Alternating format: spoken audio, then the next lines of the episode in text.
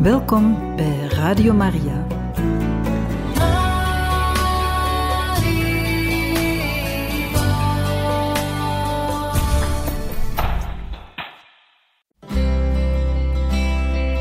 Welkom bij Boekat, een programma van Radio Maria.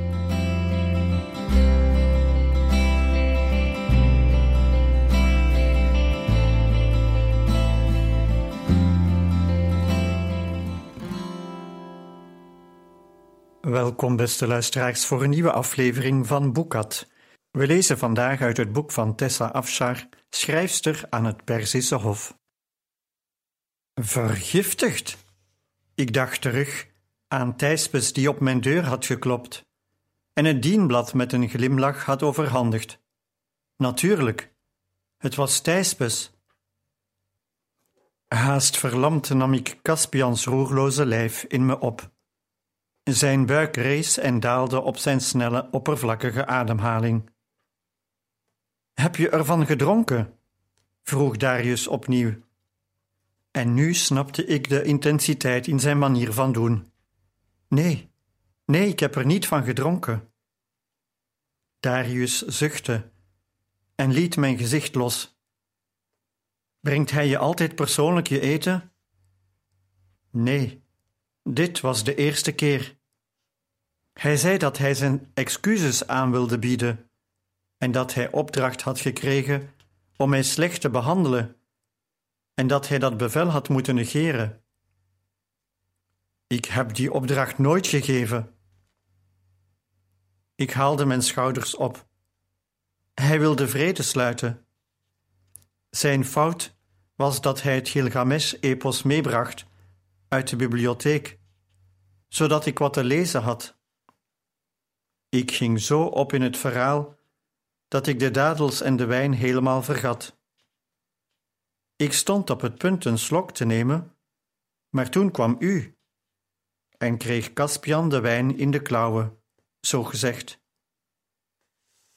Darius kolkte van woede. Bardia, zei hij met een commanderende stem, heb jij een braakmiddel dat we hem kunnen geven? Waarschijnlijk is het al te laat, maar we kunnen het proberen. Ik weet niet of dat bij een hond werkt, meester. Misschien wordt het hem te veel. Dat risico moeten we maar nemen. Als we niets doen, gaat hij sowieso dood. Bij dat nieuws kon ik me niet langer inhouden. Ik legde mijn hoofd op Caspians kop en begon te huilen. Bardia zei zachtjes: Ik zal de kruiden gaan halen, meester. Darius snelde naar de deur, waar een van zijn mannen de wacht hield. Ik ving genoeg van hun gesprek op om af te kunnen leiden dat de man Thijspes moest gaan arresteren. Darius liep de kamer weer in en knielde naast zijn hond. Teder begon hij zijn borst te masseren. Denkt u dat hij lijdt? vroeg ik. Niet meer. Hij is in een diepe slaap. Ik bleef verslagen bij de hond zitten. Ik was ondertussen gaan rillen en kon er niet mee ophouden. Darius' handen op mijn schouders deden me opschrikken. Ik besefte dat hij zijn jas om me heen wikkelde. Hij moet als een kat zijn rondgeslopen, want ik had niets gehoord. Hij knielde naast me neer. Je bent erg gesteld op hem geraakt. Ik knikte. Het beest was mijn held geweest bij gevaar en mijn gezelschap in talloze, eenzame uren. Darius trok de jas strakker om me heen en zorgde ervoor dat ik van top tot teen bedekt was. Dank u, fluisterde ik. Darius stond op en haalde een deken die hij over Caspian drapeerde. Hij is de slimste hond die ik ooit heb gehad, zei hij, en de trouwste. Ik besefte dat hij weliswaar niet huilde, maar wel degelijk rouwde. Hij verborg zijn verdriet. Het spijt me, zei ik. Als ik de zaak anders had aangepakt, Was hij misschien wel niet vergiftigd? Dit is niet jouw fout. Het is de fout van die vent. En hij zal ervoor boeten. Wat voor soort kwaad kan dergelijk moorddadig gedrag opwekken? Wat moet er van Perzië worden als onze mannen bedriegers en moordenaars blijken te zijn? En dan te bedenken dat ik hem mijn huishouden liet leiden. Er werd op de deur geklopt. Voorheen zou ik gewoon geroepen hebben binnen te komen, maar nu was het paleis vol met Darius-mannen en ik kon toch moeilijk een van die kerels vragen binnen te komen. Zonder een woord te zeggen stond Darius op en opende de deur. Het is je kamermeisje. Ze vraagt toestemming om binnen te komen. Met Darius in mijn kamer kon Pari natuurlijk niet zomaar binnenstormen, zoals ze anders deed. Alsjeblieft, vraag haar binnen te komen. Ze is ook dol op die hond. Pari kwam binnen. Zonder een woord te zeggen, sloten we elkaar troostend in de armen. Onze aandacht werd getrokken door commotie bij de deur. Het was Darius' man, die vertelde dat Thijspes vermist werd. Ze hebben overal gezocht, fluisterde Pari in mijn oor. Geen teken van leven van die vent, en een van de paarden ontbreekt ook. Hij moet hals over kop vertrokken zijn. Darius kwam hetzelfde vertellen. Ik ga hem zoeken. Hoe sneller we zijn, hoe groter de kans dat we hem nog te pakken krijgen. Ik weet, denk ik wel, waar hij naartoe is gegaan. Mijn gok zou de kamers van zijn courtisanen in Persepolis zijn. Hij zal denken dat hij daar veilig is. Hij weet niet dat we hem destijds gevolgd zijn en er vanaf weten. Het is een begin, knikte Darius. Zelfs als hij er niet direct naartoe is gegaan, zal hij op enig moment contact zoeken met zijn hetera. Ik zal er een paar man laten patrouilleren. We krijgen die rat wel. Ik legde hem uit waar het was. Gaat u zelf, vroeg ik, en probeerde mijn stem onder controle te houden. Natuurlijk. Heer, ik. Ik weet niet wat ik met, met de hond moet. Als Bardia terugkomt met het braakmiddel, bedoel ik. Van wat Darius eerder had gezegd, had ik afgeleid dat niemand van ons veel kon doen. Maar Darius had tenminste iets over geneeskunde geleerd in de jaren dat hij aan het paleis werd opgeleid. Als iemand Caspian kon helpen, dan was hij het wel. Hij beet op zijn lip. Ik wist welke innerlijke strijd hij leverde. De noodzaak een man te pakken die hem zo geschaad had, hem laten berechten en een einde maken aan zijn vernielzucht, enerzijds, en anderzijds bij een dier blijven dat hij zo lief had, en doen wat hij kon. Mijn hart smolt toen hij zei: Ik blijf. Ik was op dat moment te afgeleid om mijn eigen gevoelens te begrijpen. Maar ik denk dat dat het punt was waarop ik verliefd werd op Darius Passargadai, de man die me verafschuwde om mijn publieke verraad. Hij was duidelijk gewend de leiding te nemen op het slagveld. Hij wist onder druk te organiseren en te mobiliseren. Tegen de tijd dat Bardia met de kruiden terugkeerde, waren Darius' mannen al in drie groepen onderweg. Eén groep reed naar het huis van Thijspes Hetera. De tweede groep ging op zoek naar mogelijke andere aanwijzingen. En de derde was op weg naar Ekbatana om Thijspes broer te arresteren en bij Mandana bewijs te verzamelen. Ik had geen interesse meer in Thijspes. Mijn hele aandacht ging uit naar het stervende dier voor mij. Bardia en Maakten een aftreksel van kruiden en discussieerden over de voordelen van bepaalde kruiden boven andere, en goten het mengsel vervolgens in Caspians keel. Wat moest die hond vreselijk spugen? Hij had nauwelijks nog enige kracht, en ik was bang dat de worsteling om zijn maag te legen al genoeg zou zijn om hem te doden. Hij stikte een paar keer bijna, en Bardia en Darius moesten met de hand helpen zijn keel te openen. Verbluft stelde ik vast hoe geduldig en teder Darius kon zijn. Was dit dezelfde man die naast me had gezeten bij onze bruiloft, vol van bittere kilte? Uiteindelijk was er niets meer in de maag van de hond om uit te spugen. We konden enkel wachten. Het is een goed teken dat Caspian het tot nu toe heeft overleefd, meesteres, verzekerde Bardia me. Hij is sterk. Ik zat uren achtereen op de grond met Caspians kop op mijn schoot en telde de ademtochten, biddend dat hij het zou overleven. Ik moet op een gegeven moment in slaap zijn gevallen, want ik schrok opeens wakker.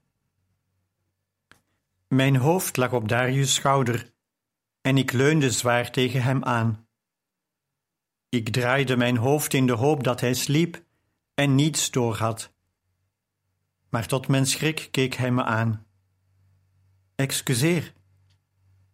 Ik schoof opzij en creëerde ruimte tussen ons.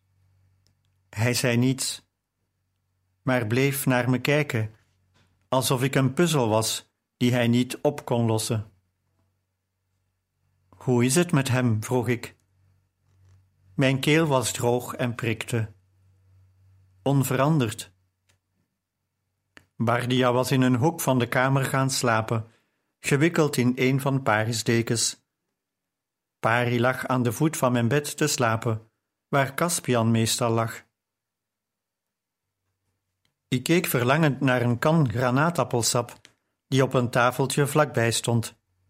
Maar ik wilde de slaap van de hond niet verstoren door zijn kop te verplaatsen. Tot mijn verbazing stond Darius op, schonk wat sap in en bracht het me. Ik, dank u. We zaten zo een tijdje naast elkaar en zeiden niets. Nu ik zijn vriendelijkheid had mogen ervaren, waagde ik te vragen: Waarom bent u thuisgekomen? Ik dacht dat u de hele zomer in Ekbatana zou blijven. Hij zuchtte. De koningin. Verder zei hij niets wat vreed was. Hij moet hebben geweten dat ik bijna knapte van nieuwsgierigheid. Ik kon het niet laten. De koningin? Ja, je weet wel, de vrouw van koning Artaxerxes. Volgens mij ken je haar wel. Ik geloof het wel, ja. Dus die koningin heeft u naar huis gestuurd? Was u stout? Dat zou hem leren mij zo te plagen. Hij grijnsde in zijn beker voor hij een grote slok nam. Maar hij zei niets om mijn nieuwsgierigheid te bevredigen, de gemeenerik. Niet echt een man die je zomaar informatie ontfutselt, concludeerde ik. Bardia vertelde me dat je zijn huisje hebt schoongemaakt. Eigenhandig, zei hij. Hij veranderde zo plotseling van onderwerp dat het me overviel. Ik haalde mijn schouders op. Hij hoort dat helemaal niet te weten. En Pari deed het meeste werk. Ik wil je daarvoor bedanken. Ik keek hem door mijn wimpers aan. Ik deed het niet voor u. Ik deed het voor hem. Hij is me heel dierbaar geworden. Je had gelijk. Je bent me van nut geworden, en daar ben ik dankbaar voor. Maar het maakt het verleden niet ongedaan, Sarah. Het verandert niets aan wat je hebt misdaan.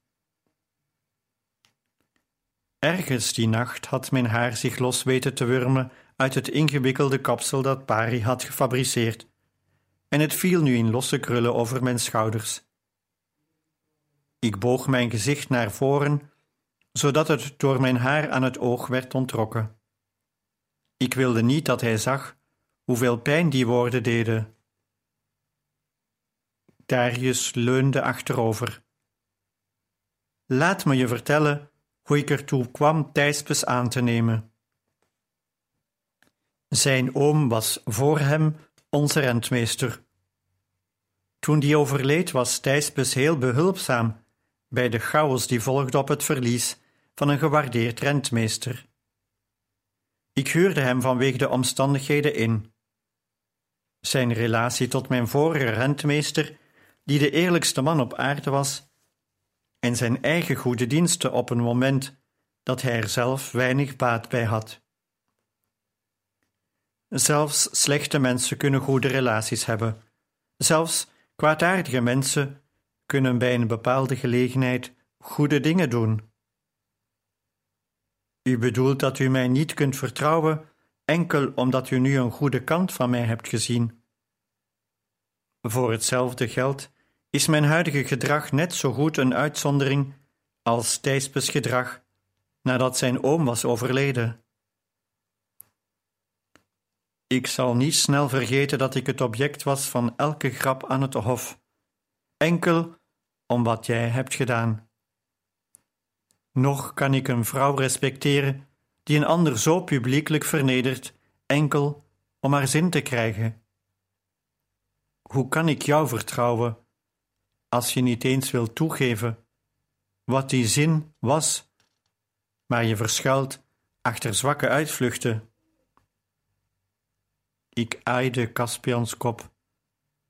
Wat als u ernaast zit? Wat als u eerder cynisch dan opmerkzaam bent? Soms zijn die twee hetzelfde. Het beste wat je kunt doen, is het bewijs dat je voor je hebt, wegen en dan het meest wijze oordeel vellen waartoe je op dat moment in staat bent. Dat is wat ik met jou heb gedaan. Is het niet beter de fout te begaan, te denken dat anderen beter zijn dan ze werkelijk zijn, dan hen per ongeluk als slecht te beoordelen? Jij vraagt me dat nu, met de schade die Thijspes om ons heen heeft aangericht, omdat ik hem hoger inschatte dan ik had moeten doen. Wat moest ik zeggen? Hij beschouwde mijn verklaring als zwakke uitvluchten. Ik beet mijn tanden op elkaar. Misschien maar goed ook, dacht ik. Hij zou het vast niet leuk vinden getrouwd te moeten zijn met een voormalige courtisanne, met een winkelier als eerste potentiële klant. Ik dronk de rest van mijn sap op en wiebelde met mijn benen die in slaap waren gevallen.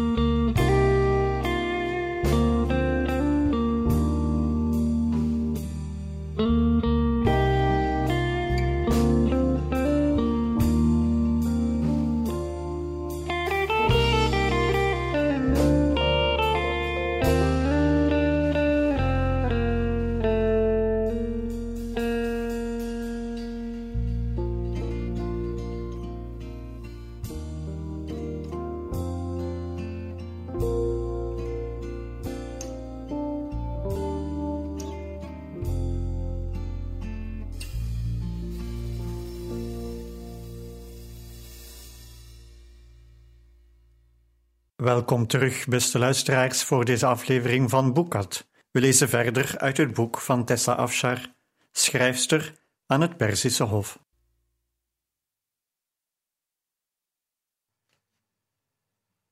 De koningin heeft me gestuurd om je op te halen, zei hij zonder omhaal.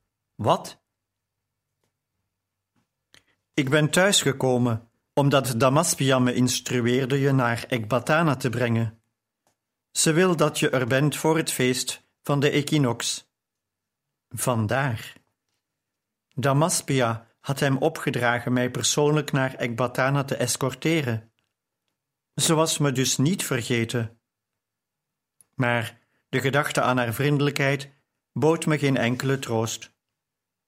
Het was juist die vriendelijkheid geweest die me in deze situatie had gebracht.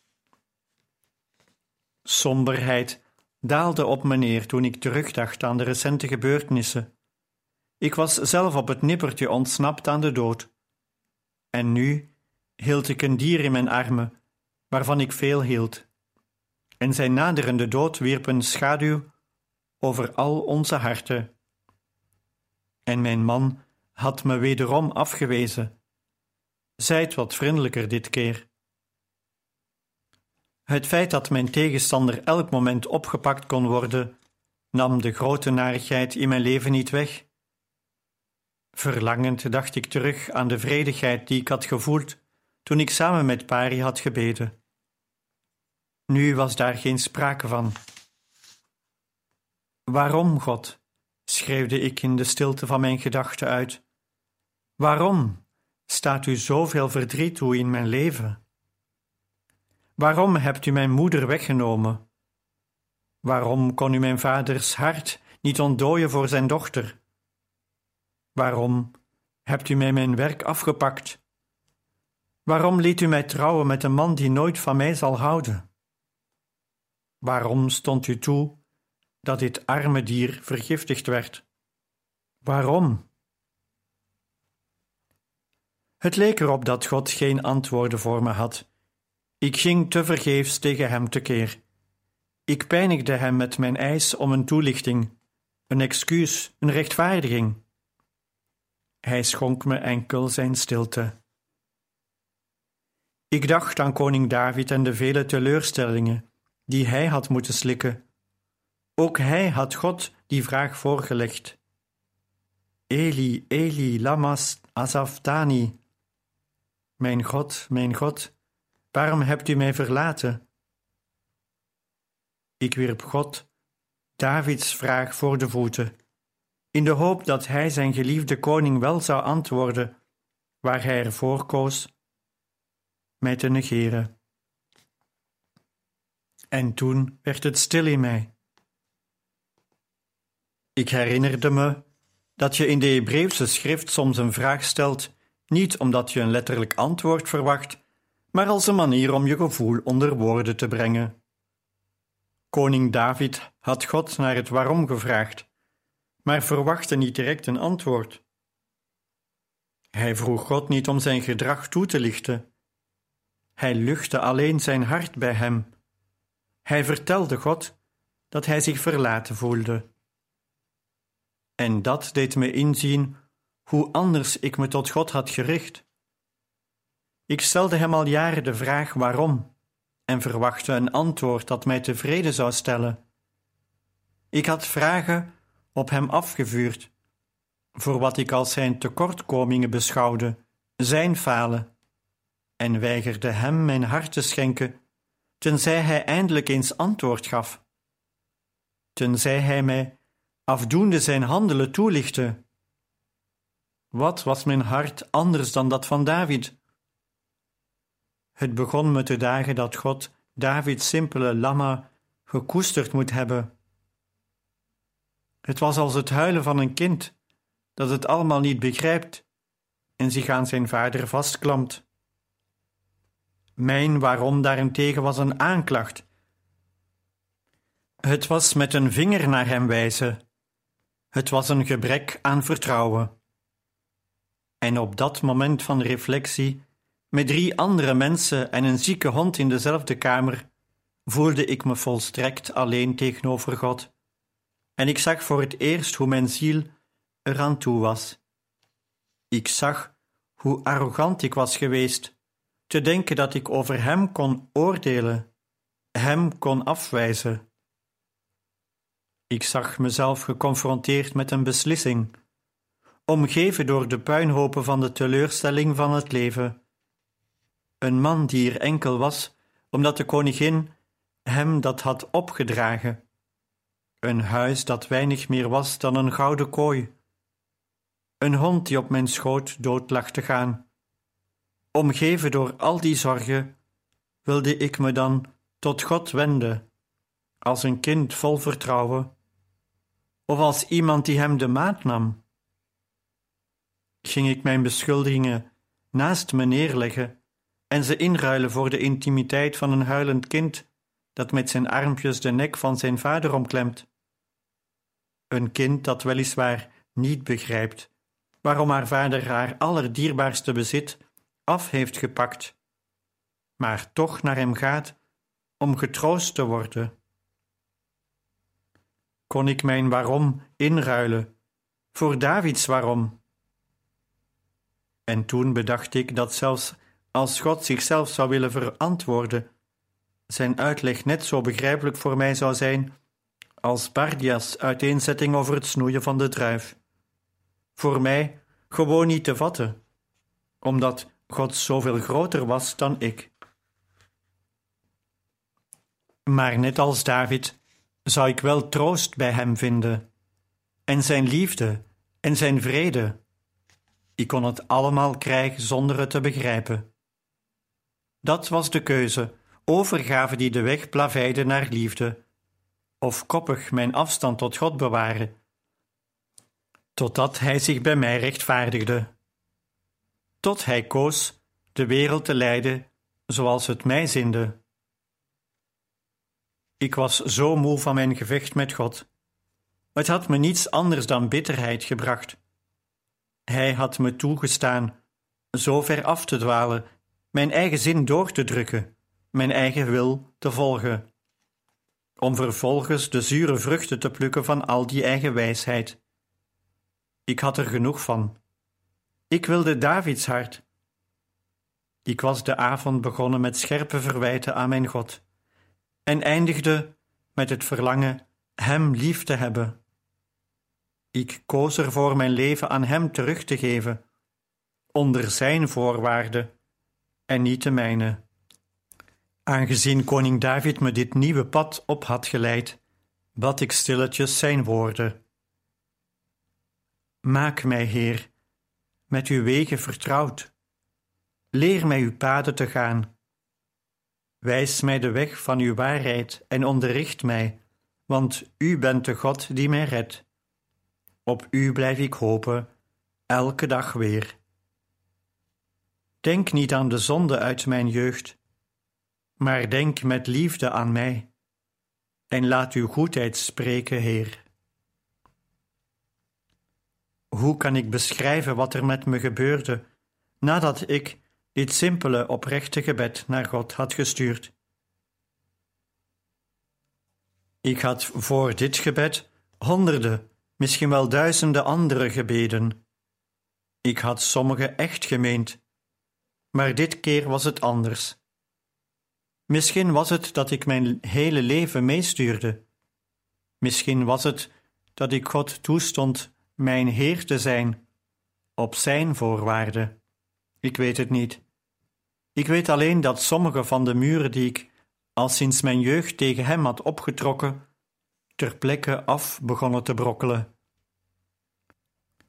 Terwijl ik mijn gebed afronde, herinnerde ik me opeens weer glashelder de eerste keer dat ik het koninklijk paleis in Ekbatana had gezien. We waren dagen onderweg geweest toen we uiteindelijk op een middag de klim door de bergen maakten over de Khorasanweg. Zonder waarschuwing stonden we opeens oog in oog met een enorme muur, rond, hoog en van goud. De Medes die de muur oorspronkelijk hadden opgetrokken, hadden dunne platen goud aan de stenen bevestigd, zodat we verblind werden zodra de zon erop scheen. Nadat we door de poort waren gereden, kwamen we bij een tweede muur, zilver dit keer, die even massief en overweldigend was. Weer gingen we verder, ring na ring, elke muur hoger dan de vorige, en elk in een andere kleur: rood, blauw, bloedrood, zwart, wit. Het waren vooral die muren die zo'n indruk op me maakten, ook omdat het paleis of de stad nauwelijks boven de glinsterende concentrische cirkels van gekleurde stenen uitkwam. Ik wist dat er een indrukwekkend paleis achter stond, omdat anderen er onderdak hadden gevonden en erover hadden bericht. Maar mijn ogen konden dat niet echt zien. Ze zagen enkel de enorme muren, niet het paleis erachter. Tot op dit moment was mijn omgang met God als die tocht omhoog naar Ekbatana. Ik had alleen de muren gezien. Ik was nooit dichtbij genoeg gekomen om me er prettig te voelen. Ik was in de buurt, maar bleef buiten. Sommige van die muren had ik zelf opgetrokken. Mijn rebellie, mijn verzet, mijn arrogantie, mijn noodzaak de boel in eigen hand te houden. Sommige waren opgetrokken door de tegenslagen in het leven, mijn eenzaamheid, mijn moederloze hart, mijn angst afgewezen te worden. Ik had God op afstand gehouden en mijzelf daarmee de warmte van Zijn genade ontzegd. Die nacht, terwijl ik zat te bidden, was het alsof sommige van de muren die ik had opgetrokken tussen mij en God opeens omvielen en ik dichterbij kwam. Een onverklaarbare rust vulde mijn ziel. Ik hield een dierbare hond in mijn armen die vocht om adem, maar ik voelde geen enkele bitterheid. Ik had niets meer over van de dingen die ik dacht te koesteren, maar ik voelde me gesterkt door hoop. Ik was gaan geven om een man die me nooit met een vergelijkbare tederheid zou beschouwen. En ik voelde dat dat genoeg was voor me. Wat is er? fluisterde Darius dicht bij mijn oor.